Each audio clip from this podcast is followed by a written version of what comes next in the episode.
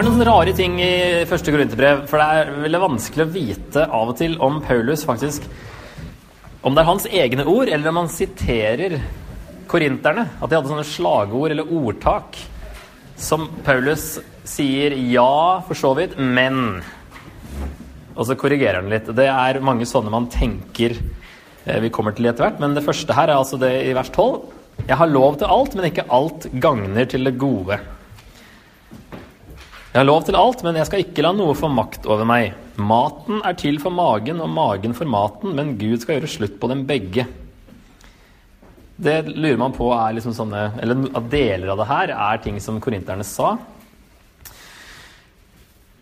Eh, kroppen er ikke til for hor, den er for Herren, og Herren er for kroppen. Og det ble da Paulus sin korreksjon av noe av det her. Gud reiste opp Herren, og ved sin kraft skal han også reise oss opp. Vet dere ikke at kroppene deres er Kristi lemmer? Skal jeg da ta Kristi lemmer og gjøre dem til en hores lemmer? Det må ikke skje. Eller vet dere ikke at no når noen holder seg til en hore, blir de én kropp? For det står de to skal være én kropp. Men den som holder seg til Kristus, blir én ånd med ham. Hold dere langt borte fra hor. All synd som et menneske gjør, er utenfor kroppen. Det lurer man også på er, om er et eh, sitat, og at han korrigerer det med å si 'men den som driver hor, synder mot sin egen, sin egen kropp'. Vet dere ikke at kroppen deres er et tempel for Den hellige ånd som bor i dere, og som er fra Gud? Dere tilhører ikke lenger dere selv. Dere er kjøpt og prisen betalt. Bruk da kroppen til Guds ære. Eh, det er jo mest Det er ikke bare at man syns ikke sånn synsing om dette her er et sitat, og det er ikke et sitat. Altså, men det er litt sånn fordi man får ikke helt has på det Paulus hvordan han argumenterer, men at det blir kanskje litt mer forståelig hvis det faktisk er noe han går imot, som korinterne sa. Og dette lov til alt og ikke alt gagner, det dukker opp også senere. I hva står det? 1023. Eh, og det var vanlig for så vidt å gjøre sånn da når man skrev at man da tok motstanderens eh, argument og kommenterte det liksom i løpende tekst. Da. Man hadde jo ikke anførselstegn den gangen. Man hadde jo ikke små bokstaver engang, eller mellomrom mellom ordene. Sånn at eh, det var ikke noe tegnsetting. Så derfor er det litt vanskelig å vite eh, hvordan eh, Ja, for Paulus ville jo ikke da ha brukt noe sånt. Det kan hende at hvis korinterne da sa at maten Altså, jeg har lov til alt, la, la, la, så kanskje Paulus sier, men ikke alt tjener til det gode. Det kan henge sammen med når vi kommer til Korinterbrev, nei, kapittel 15, så snakker han om oppstandelsen. Og der korrigerer han da at det, altså det virker som noen av de trodde at oppstandelsen enten ikke kom til å skje, at det var en latterlig ting. At, at vi skulle stå opp igjen fra de døde. Eh, og Paulus linker det til at Jesus sto opp fra de døde, og derfor skal vi også stå opp fra de døde. Og hvis ikke Jesus står opp fra de døde, så kan vi bare skrote hele kristendommen. Eh, eller at de trodde at det hadde skjedd en slags åndelig oppstandelse allerede. En sånn tidlig gnostisk tankegang. En vranglære som ble større senere, ut på 100-tallet. Eh, og at Paulus da, eller at de tenkte at det har ikke noe å si hva jeg gjør med kroppen, fordi ånden er det viktigste. Det er det ånden som blir frelst. Men Paulus kommer inn på det her, at Herren er for kroppen. kroppen skal reises opp igjen. Eh, og det er ikke en sånn dualisme hos Paulus i det hele tatt, som kanskje korinterne hadde. Det er litt sånn, Man må spekulere litt, kanskje, på hva som ligger bak her, men det er i hvert fall hint utover i brevet også, som kan tyde på at de hadde en sånn At det kanskje er roten til mye av problemene, er at de hadde feil teologi på oppstandelsen og på forholdet mellom ånd og kropp. da. Tenkte veldig gresk om den todelingen der, at det åndelige var positivt og bra, og det kroppslige var eh, negativt og ondt. Med sin kraft skal han også reise oss opp, sier han. Sånn som Jesus ble reist opp. Så det er det han kommer mer inn på i kapittel 15. Så når de sier at maten er til for magen, og magen for maten, men Gud skal gjøre slutt på dem begge, det kan hende de sier òg, at uh, kroppen skal gå under uansett, så det er bare å peise på med å spise og, uh, og på å si, ligge med hvem du vil. um, men så sier Paulus kroppen er ikke til for hor, den er for Herren. Og Herren er for kroppen. Men altså, det han konkluderer med også, eh, bruk da kroppen til Guds ære, i vers 20.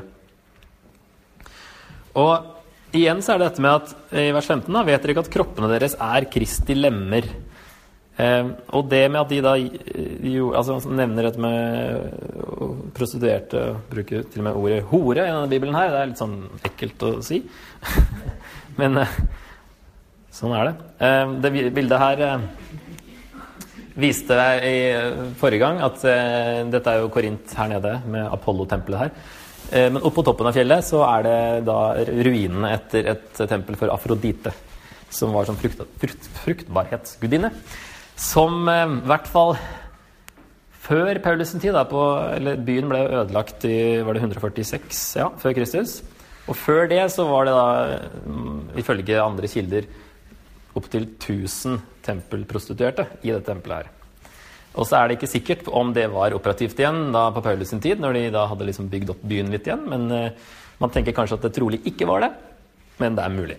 Men det var sikkert andre prostituerte. Det var det helt sikkert. Og det var liksom en helt vanlig ting å benytte seg av det.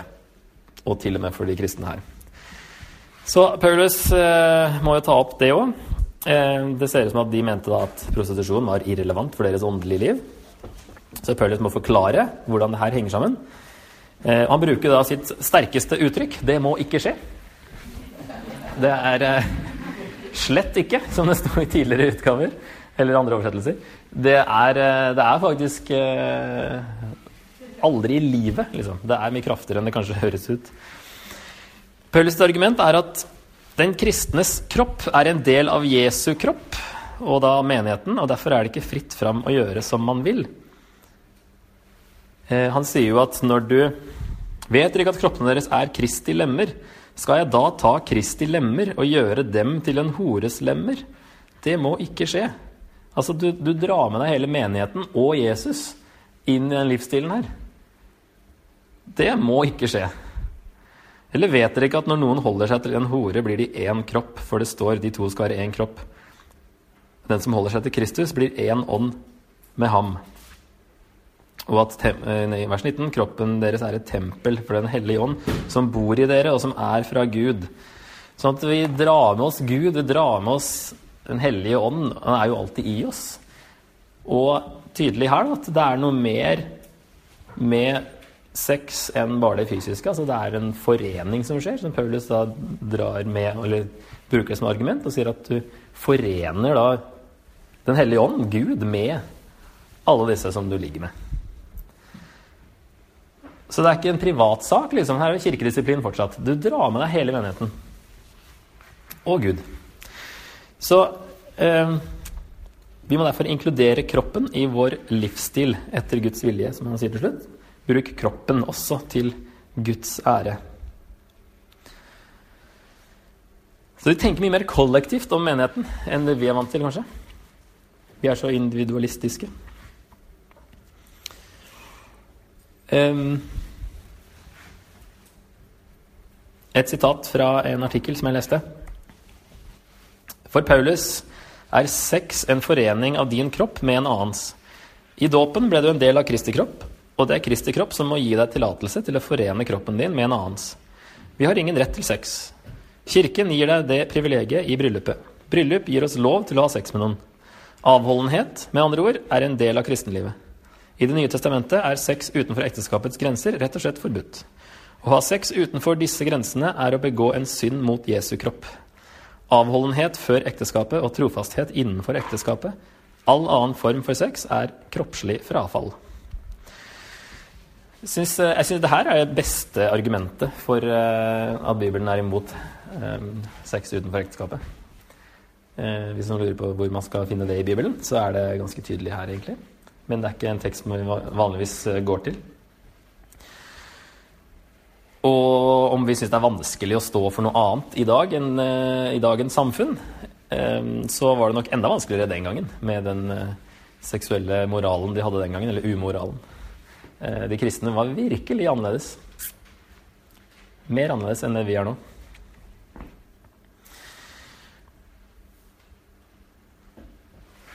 Ja, var det noe mer om dette avsnittet? Så tenkte jeg å gå videre på ekteskap og ugift stand, som det står. Da kjører vi på. Eh, for da begynner han, og da han sier Når det gjelder det dere skrev om Så da tar han plutselig opp et tema som de har skrevet til han om. så er det godt for en mann å ikke røre en kvinne. Det kan også være et sitat. da. Altså, det er noe de har skrevet. Det er godt for en mann å ikke røre en kvinne. Hvis vi deler opp kapittelet her, så får vi eh, en sånn inndeling at han først snakker om de som er gift, eller til de som er gift, i vers 1-7. Så til de ugifte og enkene, i vers 8-9. Og så fra 10 16 er det tilbake til de gifte. Da er det om skilsmisse i blandede ekteskap, altså de som var eh, blitt kristne etter de var gift. Og da lurte på om de kunne fortsatt være gift med en hedning. En avgudsdyrker. Og så kommer det et avsnitt som går på det å forbli som man var. Eh, som egentlig henger sammen med det forrige. For han sier jo at eh, det trenger ikke å skille dere av den grunn. Eh, det er bedre at dere forblir eh, gift, og at da evangeliet kan ha innflytelse i den familien.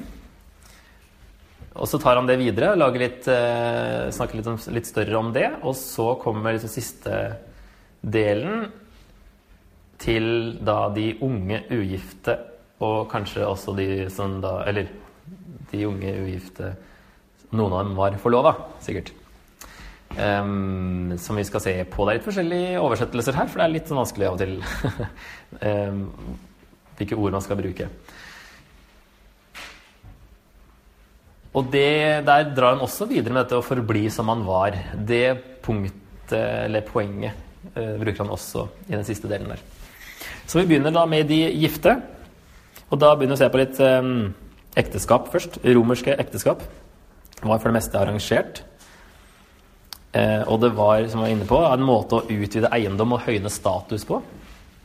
Det var ikke liksom sånn Hollywood-film, liksom. At du Store følelser, og det var jo selvfølgelig det innimellom òg, sikkert. Men uh, det var mest arrangert, og det var sånn, ja ektes, Eller eiendom og status. Mannen hadde mer makt og autoritet enn kona. Um, uttrykket 'kjøpe seg en kone' var fortsatt vanlig på Paulus sin tid, ifølge andre kilder. Og mannen var ofte mye eldre enn kona. Mange jenter var gift som 15-åringer. Menn var vanligvis over 25 år gamle. Så det kan hende at eh, han mannen som lever med sin fars kone, og de var kanskje ca. på samme alder. Hvis kona var mye yngre enn faren. Under Augustus så var det lovlig for jenter å bli forlova ti år gamle og gift tolv år gamle. Sånn at eh, man tenker at Maria var ganske ung. Og at kanskje derfor Josef forsvinner ut av bildet og ikke nevnes, fordi han var mye eldre og kanskje døde tidlig. Eh, I gresk kultur så var ekteskapet da sett på som normen av de fleste. Men noen så på det som en hindring for religiøs hengivenhet, men syntes likevel at sex med prostituerte var greit. Eh, mange filosofer mente at ekteskap var en unødvendig heftelse men så på sex med prostituerte som en normal mannlig aktivitet. Eh, Sølibat var ikke spesielt populært. Og Sokrates ble spurt eh, av en person eh, om han burde gifte seg eller ikke. Han andre personen. Og Sokrates svarte uansett hva du gjør, så kommer du til å angre på det. Eh, I jødisk kultur så var ekteskapet veldig viktig. Noen mente det var en synd å ikke gifte seg. Jødene var minst like imot sølibat som grekerne var. um, noen rabbinere oppfordret skriftlærde til å gifte seg tidlig for ikke bli distrahert av fristelser. Noen ser ut til å ha vært så opptatt av studiene at de likevel ikke giftet seg. Det kan ha vært Paulus. Han var enten da en som aldri gifta seg, eller en enkemann. Men han nevner jo aldri noen kone noe sted. Eller at han hadde en kone. Så eh, det er en av de to, i hvert fall. Kanskje mest sannsynlig at han aldri gifta seg. Noen av essenerne levde i sølibat, altså de dødehavsrullende folka som hadde trukket seg vekk fra Israel eller fra, fra byen og ut i ørkenen sør for Jerusalem. De levde i sølibat, noen av dem, og noe som tyder på at noen så på det som spesielt fromt å trekke seg unna samfunnet og familieliv. Så litt sånn munketendenser um, allerede da. Så det er litt bakgrunn. Litt sånn uh, sammensatt bakgrunn. For det er jo Paulus er jøde, og det er gresk og romersk kultur blanda. Og det er jøder og hedninger sikkert i menigheten. Det var de i de fleste menigheter, i hvert fall. Ok, Så de gifte, i første sju versene. Så sier Paulus da eh, når det gjelder det dere skrev om, så er det godt for en mann å ikke røre en kvinne. Men for å unngå hor skal hver mann ha sin kone og hver kvinne sin ektemann. Mannen skal oppfylle sin forpliktelse overfor kvinnen, og hun overfor ham.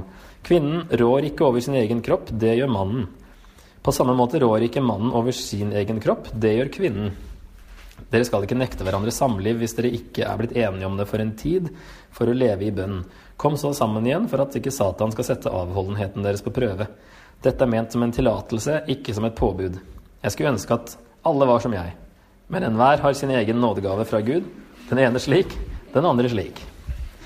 Ok, Så her, for det første så er han veldig ehm, eh, radikal da, ved å si dette her med at eh, mannen eh, ikke rår over sin egen kropp, og det gjør kvinnen. Det tror jeg kanskje ingen generelt der på den tida ville vært enig i når mannen hadde en mye høyere status. Paulus da, han er absolutt ikke imot kvinner.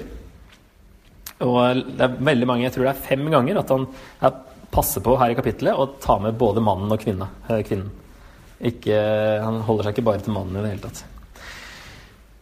Så, men ut fra det forrige kapittelet, som vi så på i slutten av kapittel 6, så kan Paulus være enig i at det, er, at det er bra å ikke røre en kvinne, som da kanskje korinterne har sagt. Eller i hvert fall det han åpner med uansett.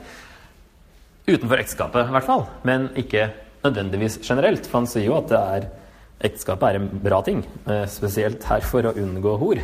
det er liksom en sånn praktisk tenkning rundt ekteskapet. Um, og så er det da at noen av de kanskje har um, tenkt at uh, det er mer åndelig, kanskje, å uh, ikke leve som om de var gift. Altså um, ha, ja, eh, avholdenhet i stedet. Og Paulus sier at greit for en tid, hvis det er liksom for å be, men ikke for lenge, sånn at det blir eh, fristelser. Eh, så de gifte bør leve gift, sier Paulus da. Det kan være altså Når Jesus sier i skal vi se, slå på det, Lukas 20, vers 34 Hvis korinterne var veldig sånn åndelige og mente at liksom, eh, ting som hadde med oppstandelsen å gjøre. Og at hvis de tenkte at oppstandelsen hadde skjedd på et vis, så ville de kanskje da tolka det Jesus sa i Lukas 20, vers 34.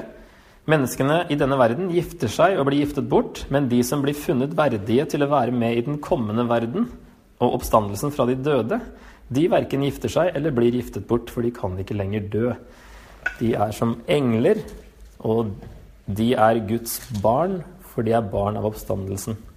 Ja, Så mulig da at de tenkte at det var mer åndelig å ikke eh, leve som gift, da, selv om man allerede var gift. At de trakk seg unna på den måten. Det er en sånn sammensatt bakgrunn for første korinterbrev. Jeg husker jeg i begynnelsen syntes det var kanskje det vanskeligste brevet å få has på, for det var så mye rart. Det her i sitatene òg, eller mulige sitater som dukker opp. Så det er ting vi liksom bare må Ok, eh, vi kan ikke være helt sikre. Men eh, det her er i hvert fall eh, Det er en greie med hvordan de ser på det åndelige og det kroppslige som går igjennom hele brevet. Da. Og som sagt, da, dette at mannens kropp tilhørte kona, det, denne likestillingen da var helt uvanlig. Eh, og dette sølibatet, eller avholdenheten, det sier han dette er ikke et påbud. Det er ikke hans idé, det er deres idé. Paulus sier det er greit for en tid. Det er ment som en tillatelse å holde seg da avholdende, men ikke som et påbud. Og så sier han til slutt da alle, ja, jeg skulle ønske alle var som jeg, men enhver har sin egen nådegave fra Gud. Den ene slik, den andre slik. Her sier han faktisk da at det å være singel, det er en nådegave. Og det sier han eh, Christopher Johan også i den talen sin, at uh, det er ikke den ordet for gave sånn uh, present, liksom. Her har du en gave, og yeah, vær så god. Og de folk Jeg vil ikke ha den gaven! Ta den tilbake. Men det er faktisk ord for nådegave. Og det vil jo si at um, nådegavene trengs jo for å bygge opp menigheten. Så han sier liksom at The church needs you. The single people. Så det noe, trenger ikke være noe kall å være singel. Paulus sier ikke det er et kall, han sier det er en nådegave. Og eh, jeg har merka ekstremt forskjell på hvor mye tid jeg har fra når jeg var singel, og til nå når jeg har to unger. Det er helt Jeg fatter det ikke, hvor stor forskjell. Så det er i hvert fall én ting. Man har mye bedre tid. Um, og sånn som i dag Det har vært en helt syk dag. Fordi først var vi i Salem eh, med liksom hele familie og svigerforeldre, nei, svigermor og mine foreldre. Og så skulle jeg i en barnebursdag med eldste datteren vår fra ett til tre, så jeg måtte stikke egentlig før det var ferdig her. Peise bort på Nidarvoll og være bursdag der. Og så ble jeg henta klokka tre, rett hjem og ha middag der eh, halv fire med eh, bursdag for yngstedattera vår. Eh, så da var det liksom Og så eh, skulle jeg hit og undervise klokka sju, da. Så klokka ni, da tror jeg jeg blir ganske sliten. Eh, jeg visste at jeg kom til å liksom bli litt oppstemt når jeg kom hit. I hvert fall når rommet er fullt. Det er kjempegøy. Men eh, det var sånn herre Nå begynner jeg å kjenne forskjellen. og jeg hørte på gamle opptak av meg sjøl fordi jeg måtte liksom komme inn i stoffet her eh, på dette kapittelet. Da jeg sa da hadde jeg vært gift ett år, og da sa jeg at eh, da jeg var ugift, så hadde jeg masse overtidstimer i jobben. Jeg kunne jobbe masse og spare opp til lang ferie og sånne ting. Nå lå det ganske på null da nå når jeg var gift. Da hadde jeg ingen unger. Nå har jeg ingen fritid. ikke, når skal jeg rydde hjemme, liksom? Det er bare sånn det er helt vilt. Så det er kjempestor forskjell. Det er hvert fall, eh, Du kan i hvert fall bruke tida. All den tida du har som singel. og det er ikke meninga med livet å bli gift heller, som man kanskje kan få inntrykk av fra Hollywood. Og at uh, du er ufullstendig fram til du gifter deg.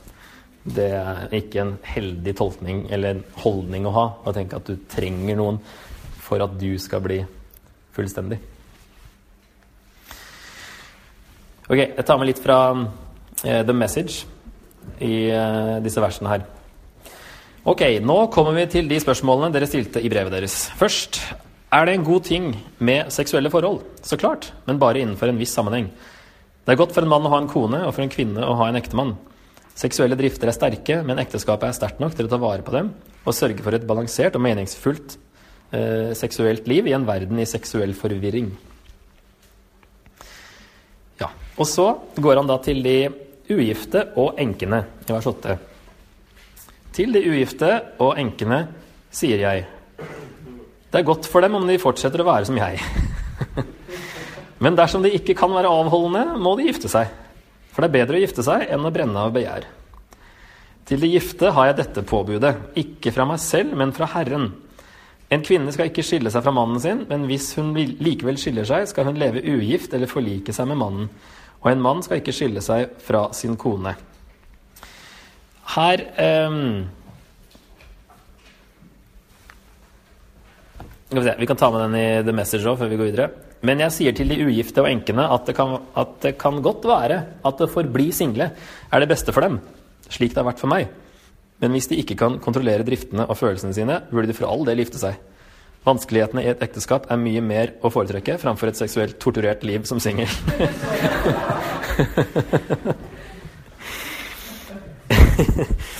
um, skilsmisse da kommer vi inn på i neste, eller de siste versene vi leste.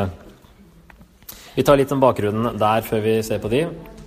Eh, I antikken så var det faktisk litt sånn Hollywood-tilstander der, i hvert fall i de høyere samfunnslagene, at det ble sagt at noen kvinner spesielt skilte seg for å gifte seg igjen, og giftet seg for å skille seg igjen. Så det var litt sånn eh, opplegg. Eh, det var ingen offentlig juridisk handling nødvendig for å oppheve ekteskapet. Skilsmisse skjedde vanligvis når mannen sa 'ta tingene dine og gå'. Det var liksom nok. Eh, forfatteren Plutark, som da lever litt senere enn Paulus, eh, antydet at det var feigt å ikke skille seg når man hadde en dårlig kone. Og kvinner i Romerriket kunne få skilsmisse like lett som mannen. I jødisk kultur bare i ekstreme tilfeller, men det ser ut til at jøder utenfor Israel fulgte romerske skikker. Så kvinnene kunne også, selv om mannen hadde liksom høyere status, og sånt, så kunne kvinnene Eh, og spesielt da de rike, som vi ser, eh, ta initiativet til en skilsmisse. Og faktisk, romersk lov krevde skilsmisse ved utroskap. Da måtte man skille seg. Eh, så når Jesus, altså Paulus sier her eh, Til de gifte har jeg dette påbudet, ikke fra meg selv, men fra Herren. Og vi kanskje tenker at det betyr at uh, her er han inspirert av Gud, mens i vers 12 når han sier til de andre sida i dette er mine ord, ikke Herren, så da er han ikke inspirert. Det er nok heller at han eh, siterer det Jesus sa om skilsmisse. Som bl.a. i Matteus 5. Den som skiller seg fra sin kone av noen annen grunn enn hor, han blir skyld i at det begås ekteskapsbrudd med henne. Og den som gifter seg med en fraskilt kvinne, bryter ekteskapet. Og i Matteus 19.: Fordi dere har så harde hjerter, har Moses tillatt dere å skilles fra konene deres, men fra begynnelsen av var det ikke slik. Jeg sier dere, den som skiller seg fra sin kone av noen annen grunn enn hor, og gifter seg med en annen, han begår ekteskapsbrudd.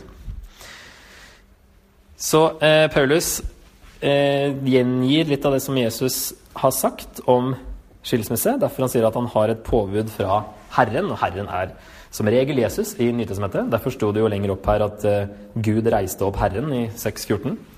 Det høres veldig rart ut hvis du tenker at Herren er Gud Fader.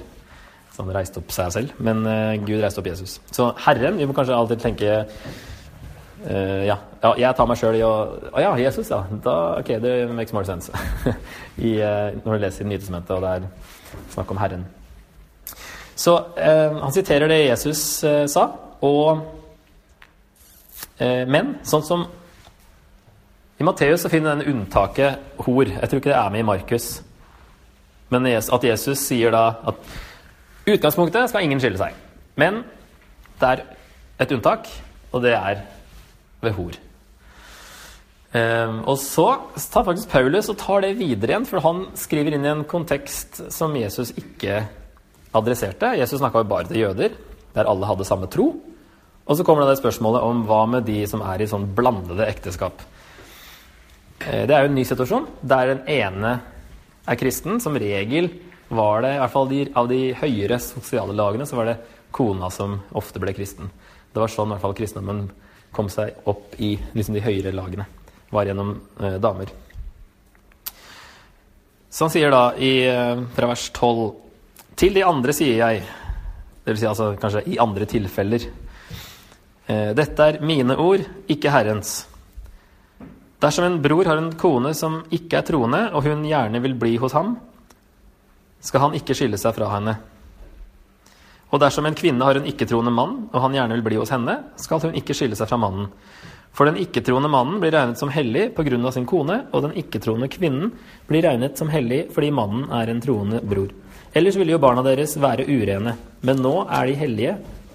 Men hvis den ikke-troende vil skilles, så la ham gjøre det. I slike tilfeller er ikke den troende broren eller søsteren bundet, for Gud har kalt dere til fred. For vet vel du, kvinne, om du kan redde din mann, og vet vel du, mann, om du kan redde din kone. Altså, det vil si, frelse kunne også like gjerne stått der. Eh, sånn at Paulus sier faktisk at eh, eh, På samme måte som at det er som en lov. ikke sant? Det finnes jo visse unntak. Utgangspunktet er ingen skilsmisse. Og så kommer det underparagrafer. ok? Men dersom hor, den tar Jesus. Og så kom Paulus med et til, faktisk. I et blanda ekteskap, hvis den ikke-kristne vil skilles, så sier Paulus at da er det greit. Så vi har i Bibelen to grunner, to gyldige grunner til skilsmisse. Og så er spørsmålet om gjengifte etterpå. Der er man litt uenig om eh, hva det vil eh, da si. Eh, her, i dette tilfellet, så ville jo i hvert fall de som mener at gjengifte er greit når skilsmissen er gyldig, altså en av disse to grunnene, vil være at det var så veldig vanlig å gifte seg igjen etterpå. At siden Paulus ikke sier noe om det, så ville alle tro at det var greit. Um, ja, først dette her, ja. Uh, det er mulig at det han sa i kapittel 5, med at de ikke kunne være sammen med noen som uh, Eller det som de hadde misforstått da, i det første brevet, at de ikke skal omgås de som eh, driver hor, eller er grådige, eller ransmenn, eller avgudsdyrkere, ikke-kristne, dyrker andre guder. Og så har de misforstått det Paulus skrev i det andre brevet, og tenkt at ok, da kan jo ikke jeg være gift med han lenger. så lurte de på skal jeg skille meg. Så sier Paulus nei, ikke hvis han fortsatt vil være gift med deg. Eh, men hvis han, vil, han eller hun vil skille seg, så er det greit. Og så er spørsmålet da, med gjengifte dette med I disse tilfellene er vi ikke bundet, sier han. Betyr det at de ikke trenger å være loviske? Eh, vi er ikke bundet av liksom sånn si, tvangstanker. At vi må Vi kan ikke skille oss. Det er den ene. Eller at vi er ikke bundet av ekteskapet. er den andre tolkningen. Og som sagt så var gjengifte, eller kanskje ikke som sagt, men nesten som sagt, gjengifte etter en skilsmisse var en rett man hadde. Rett man hadde etter både gresk og romersk Ok. Etter både gresk-romersk og jødisk lov. Og Derfor fikk man et skilsmissedokument for å liksom vise at man da var uh, skilt. Man kunne gifte seg igjen, og det har vi et eksempel på fra år 72 etter Kristus. Uh, jødiske papirer. Jeg, mann, skiller meg fra og frigir av egen vilje i dag du, kone, som har vært min kone før. Du setter inn navna der, da. du er fri til å bli ektefellen til hvilken jødisk mann du måtte ønske. Dette er for deg et skriftlig frigivelsesdokument og skilsmissepapirer. Så at man hadde et sånt dokument, så var man da fri til å gifte seg med hvem som helst. Eh, så det var ekstremt vanlig å gifte seg igjen. Og derfor eh, spør man da ville en leser i det første århundret forstått dette som et generelt forbud mot gjengifte når dette var så vanlig. Siden Paulus ikke sier noe, så tenker man da at ok, når skilsmissen er gyldig, så er gjengifte gyldig. Det er i hvert fall én tolkning. Kjærligheten tok slutt, står det her. Det er noen år siden at Tom Cruise og Katie Holmes ble skilt, men det var bare at kjærligheten tok slutt, så det var ikke mer å gjøre med det. Det var ikke mer kjærlighet igjen. Det er ikke en gyldig grunn ut fra Bibelen, i hvert fall. um, man må jobbe litt for det. Nå ser jeg at tida begynner å renne ut igjen, vet du. så vi får gå litt fort gjennom slutten. Eh, bli der du er, sier Paulus i neste avsnittet. Derfor skal enhver leve sitt liv der Herren har satt ham der han var da Gud kalte ham. Dette gir jeg pålegg om i alle menighetene. Om noen ble kalt som omskåret, skal han ikke prøve å forandre det. Om noen er kalt, blitt kalt som uomskåret, skal han ikke la seg omskjære. For det som betyr noe, er ikke å være omskåret eller uomskåret, men å holde Guds bud. Enhver skal forbli der han var da han ble kalt. Ble du kalt som slave? La ikke det bekymre deg. Men kan du bli fri, så velg heller det. For den som var slave da Herren kalte ham, er Herrens frigitte, og den som var fri da han ble kalt, er Kristi slave. Dere er kjøpt og prisen betalt, så bli ikke slaver av mennesker. Mine søsken, enhver skal forbli der han var da han ble kalt, og være der for Gud. Når han snakker om å bli kalt, så er det da å bli frelst. Det er jo liksom det hovedkallet vi har i Bibelen. Så han sier altså eh, Bare bli i den si, sosiale plassen du er, eller den plassen du har i samfunnet eh, tar det videre fra det her med blanda ekteskap. Bare bli i ekteskapet så lenge mannen din eller kona di vil bli, være gift med deg. Det står faktisk 'enhver skal forbli i det kall han var da han ble kalt' i andre oversettelser. Eh, og det er samme ordet som, som står i gresken, men eh, Paulus bruker det på to måter faktisk i samme setning. At enhver skal forbli i den øh, jobben, nærmest, han hadde. Eller posisjonen han var i da han ble frelst. Så det er liksom samme ordet, to meninger i samme setning. Derfor har de da oversatt det som eh, 'der han var'. Forbli der han var. Og så sier han i vers øh, 24 eh, 'å være der for Gud'. Og det kan faktisk oversettes 'å være der i Guds nærvær', eller være der sammen med Gud, eller foran Gud. Så eh, på den måten så kan du, uansett hvor du er, være der for Gud, gjøre jobben for Gud. Det er også noe som han tar opp med slavene som skal jobbe som om de jobber for Gud. da.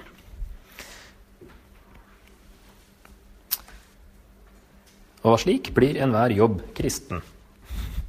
Uansett hva de gjør, så kan de gjøre det for Gud. Det er litt interessant at Paulus sier ingenting om at de må finne ut Guds plan for livene deres. Guds plan for dem er at de skal bli der de er, sier han her. Der Gud har satt dere i vers 17, der Herren har satt ham. Der han var da Gud kalte ham. Ikke stress men liksom Hvis ikke du er leiemorder, da bør du kanskje finne en annen jobb, da. Men det, ellers er det liksom ikke sånn det, Nå må jeg bli misjonær eller prest, liksom, jeg, når jeg blir kristen. Eh, bare fortsett med det du gjorde. Og det var jo sånn kristne spredte seg også i eh, alle samfunnslagene. Vi tar raskt dette her Det er litt langt avsnitt, da. Når man kommer til de unge jentene som egentlig står jomfruene fra vers 25 når det gjelder Skal vi se Jomfruer står det ja i 88-oversettelsen og i King James, altså den Bibelen Guds ord. Og i den forrige, altså 78-oversettelsen, sto det 'de ugifte', mens her har de begynt å skrive 'de unge jentene'. Eh, og det står egentlig da bare eh, jomfruer, men det første han eh, Ok, jeg får lese litt, da. Når det gjelder de eh, ja, unge jentene, har jeg ikke noe påbud fra Herren. Men jeg sier min mening, siden Herren i sin godhet lar meg være troverdig. Pga. den nødstid vi lever i, mener jeg at det er godt for et menneske å bli værende som det er. Er du bundet til en kvinne, så prøv ikke å bli fri. Er du ikke bundet, så finn deg ingen kone. Om du likevel gifter deg, synder du ikke. Om en ung jente gifter seg, synder hun ikke. Men de gifte kommer til å møte vansker i livet, og det vil jeg gjerne spare dere for. For det, sier jeg, brødre, det er stadig kortere tid igjen. Fra nå av skal de som har kone, være som om de ingen hadde. De gråtende som om de ikke gråt, de glade som om de ikke gledet seg. De som kjøper noe som om de ikke eide det, og de som bruker verdens goder som om de ikke brukte dem. For verden slik den nå er, går under. Jeg vil at dere skal slippe bekymringer. Den ugifte er opptatt av det som hører Herren til, hvordan han kan være til glede for Herren. Men den som er gift, er opptatt av det som hører verden til, hvordan han kan glede sin kone. Og så blir sinnet delt. Den ugifte kvinnen og den unge jenta er opptatt av det som hører Herren til, så de kan være hellige både på kropp og sjel. Men den gifte kvinnen er opptatt av det som hører verden til, hvordan hun kan glede sin mann. Jeg sier dette til deres eget beste, ikke for å legge bånd på dere, men for at dere skal leve sømmelig og holde dere trofast og helhjertet til Herren. Om noen mener at han kommer inn i et usømmelig forhold til kjæresten sin fordi han er i sin fulle kraft Her kan det stå noe helt annet i deres oversettelser, hvis du har en annen en. Det får vi se om vi får tid til å se på. Og det må så være. Da skal han gjøre som han vil. La dem gifte seg. Han synder ikke med det. Men den som står fast i sitt forsett og ikke er under tvang, men har herredømme over sin egen vilje og i sitt hjerte har bestemt seg til å la kjæresten forbli jomfru, han gjør vel i det. Så gjør altså den rett som gifter seg med kjæresten sin, og den som ikke gifter seg, gjør bedre. En kvinne er bundet så lenge mannen hennes lever. Dersom mannen dør, er hun fri til å gifte seg med hvem hun vil, bare det skjer i Herren men hun vil være lykkeligere om hun lever alene, etter min mening. Og jeg mener at også jeg har Guds ånd. ok, Han avslutter, han begynner og avslutter denne, det avsnittet vi leste nå, med å si at uh, han sier sin mening. I vers 25 og i vers 40 så sier han det. Og det er på en måte en sånn, uh, en sånn uh, måte å ramme inn samme tema på, på en måte. At det virker som at han nå Alt dette her er Paulus sin mening fordi han ikke har noe påbud fra Jesus. Jesus snakka ikke om det her. Hva gjør de, de unge ugifte, de som da noen av dem har forlova seg, andre har ikke? Hva gjør vi med de? Har korinterne spurt om. Begynner, han begynner med 'når det gjelder', og det er liksom det uttrykket hadde i 7.1 når det gjelder det dere skrev om, og i 8.1 når det gjelder kjøtt som var ofret til avgudene. Så han, det er liksom Hver gang han kommer til et nytt tema som de har skrevet om, eller som eh, Ja, det er vel det at de har skrevet om det i brev til han, så så bruker han det uttrykket. Og det gjør han her, så tydelig at de har lurt på det. Og han sier Jesus snakka ikke om det, så jeg får bare gi min mening, da. Jeg mener at den er troverdig, men uh, Ja. Og jeg blir sånn Jeg må si Ja, vi kommer til det. Um, jeg syns ikke det er all verdens råd, altså, det her, egentlig, som vi skal se på. Og det er vel sånn herre hm, Kan jeg mene det om hva Paulus skriver? Um, Altså, han, eh, han Ja, han baserer jo veldig sin, eh, sin, undervisning på det Jesus Det har vi sett nå allerede, og vi ser det andre steder. òg. har neste slide, tror jeg, er, eh, vi kan se på det etter hvert når vi kommer dit. At han tar det fra Jesus og tar det til nye kontekster. Det er ikke ting han bare finner på, men det er ikke alltid vi ser linken til noe Jesus har sagt. Men her sier han ganske tydelig da, at eh, jeg har ikke noe sånn direkte fra Jesus her, så da må vi ta det på en annen måte. Eh, han sier jo altså jeg, jeg, jeg mener at eh, det er grunn til å høre på meg, da, siden jeg har Guds ånd, og Herren i sin godhet lar meg være troverdig. Men så er spørsmålet kanskje det var veldig for dem den gangen, og ikke for oss nå. Eh, ja, De unge ugifte er da kanskje den beste oversettelsen ut fra det at selv om han sier jomfruer, så er det tydeligvis da mannlige jomfruer også inne i bildet her. Når han sier 'er du bundet til en kvinne', det er første eksempel han kommer til, i vers 27. Og det er jo da en eh, mann det er snakk om. Så da, selv om det er jomfru det egentlig står på gresk, så er det da kanskje bedre å ha de unge ugifte.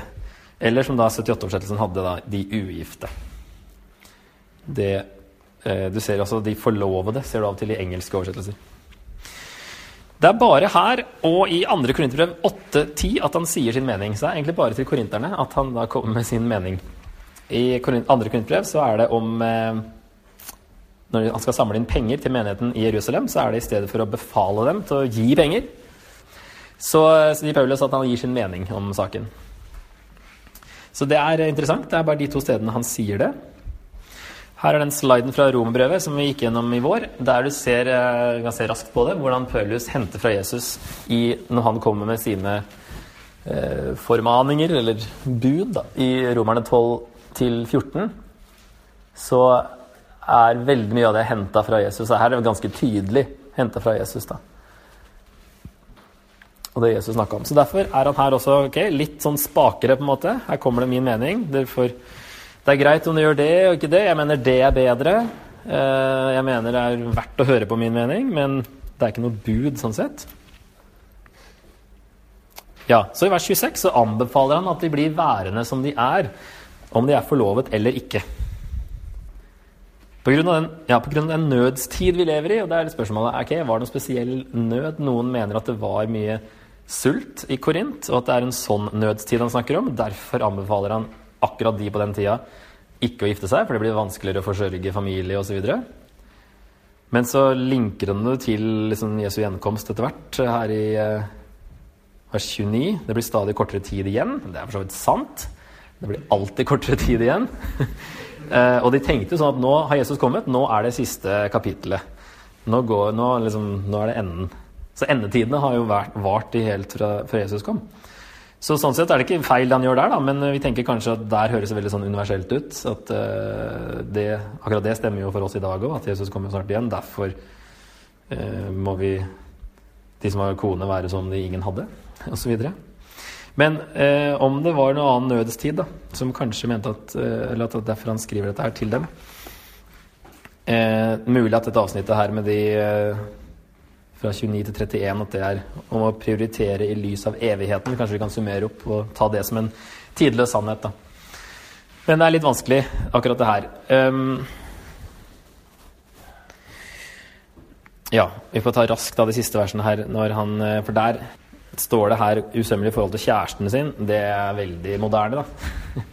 Det står eh, Det er samme ordet der også. Altså mot sin jomfru, står det. Hvis noen mener han kommer inn i et usømmelig forhold til sin jomfru. Um, så ja, står det da her 'forlovede' eller 'kjæreste'. Jeg vet ikke hvor jeg har 'forlovede' fra. Engelsk oversettelse av 'forlovede'. Kjæreste i den 2011. Eh, Pike i den 1978. Og ugift datter i 88 og Bibelen Guds ord. Og Der har du da forholdet at det er med far og en ugift datter. Og så her har vi da om eh, en, eh, et kjærestepar. Og så er det da, skal det oversettes 'han er i sin fulle kraft' eller 'hun er over ungdomsalderen'. Det også altså, kan oversettes begge deler. Derfor er det litt vanskelig å vite det her. Men jeg tror nok konteksten peker mest mot at det er fortsatt forlovede det er snakk om her. Eh, og at han snakker om det, hele, det, samme hele veien. At eh, det er best å ikke gifte seg, men og hvis du begynner å bli usømmelig, da er det bedre å gifte seg. Eh, men helst pga. den nødstid osv. Så, videre, så er det best at dere ikke eh, gjør det. Det er ok å gifte seg, det er ingen synd, men Paulus' egen mening er at det er bedre å la være. er liksom hans eh, mening. Da. Så jeg tror han snakker om de, de, da, de unge ugifte, som noen er forlova og andre ikke, i hele avsnittet her. Det henger i hvert fall greit sammen, syns jeg. Eh, og i og med at han da begynner med å si sin mening og slutter med å si sin mening, det er også liksom indikasjon på det. Men så er det spørsmålet det er ikke noen tidløs sannhet å forlove seg og så aldri gifte seg. Det syns jeg er ganske dårlig råd. Så det er kanskje derfor han mener at det er bare hans mening. At det er faktisk ikke Guds bud at er du forlova nå, så står det i Bibelen du skal ikke gifte deg. Eh, det er greit om du gjør det, men det er bedre om du ikke gjør det. Det, gikk, det er sånn Hæ? Det kan jo ikke være bra, det. Så det, Derfor tenker jeg at det her muligens var eller, Punkt én, da, det er hans mening. Eh, og akkurat på det området så syns jeg da kan jeg velge å ikke høre på han akkurat der. Eh, og punkt to at det kanskje var om denne nødstiden, spesielt i Korint. Ok, da har vi tre minutter. Vi går litt over tida, tror jeg. Men vi har eh, litt tid som vi da prøver å samle opp det her og snakke litt sammen. da. Dere, så ikke bare jeg snakker. Eh, siden vi er Kristi kropp, og oppførselen vår angår Jesus, hele menigheten og vårt vitnesbyrd for verden, så er det tre spørsmål. Hvordan kan vi passe bedre på hverandre, som Wesley sa? Altså Nå er vi tilbake på kapittel fem her. Hvordan kan en meningsfull Kirkedisiplin bli gjenvunnet i en kultur som foretrekker ingen ansvarlighet i det hele tatt. Og ut fra eh, den første del av kapittel seks hvordan kan vi behandle hverandre bedre, eller kanskje hvordan kan vi behandle hverandre mindre dårlig? Um, og fra siste del av kapittel seks er det noe jeg må endre på i min egen livsstil på noe område. I lys av det her om at det jeg gjør, det trekker med meg både Gud, hele treenigheten ifølge Paulus, og alle andre kristne inni. Og om dere vil snakke om noe helt annet enn det, så kan dere ta fra kapittel 7. Hva om Guds plan for livet mitt er å være der jeg er? Om det er noe som plutselig ble litt annerledes å tenke på. Ok, da lar jeg det stå noen minutter, og så får dere endelig brukt anledningen til å sitte på samme bord og snakke litt sammen. Og så bare det går ja, fem minutter over tida, kanskje. Jeg håper det er greit.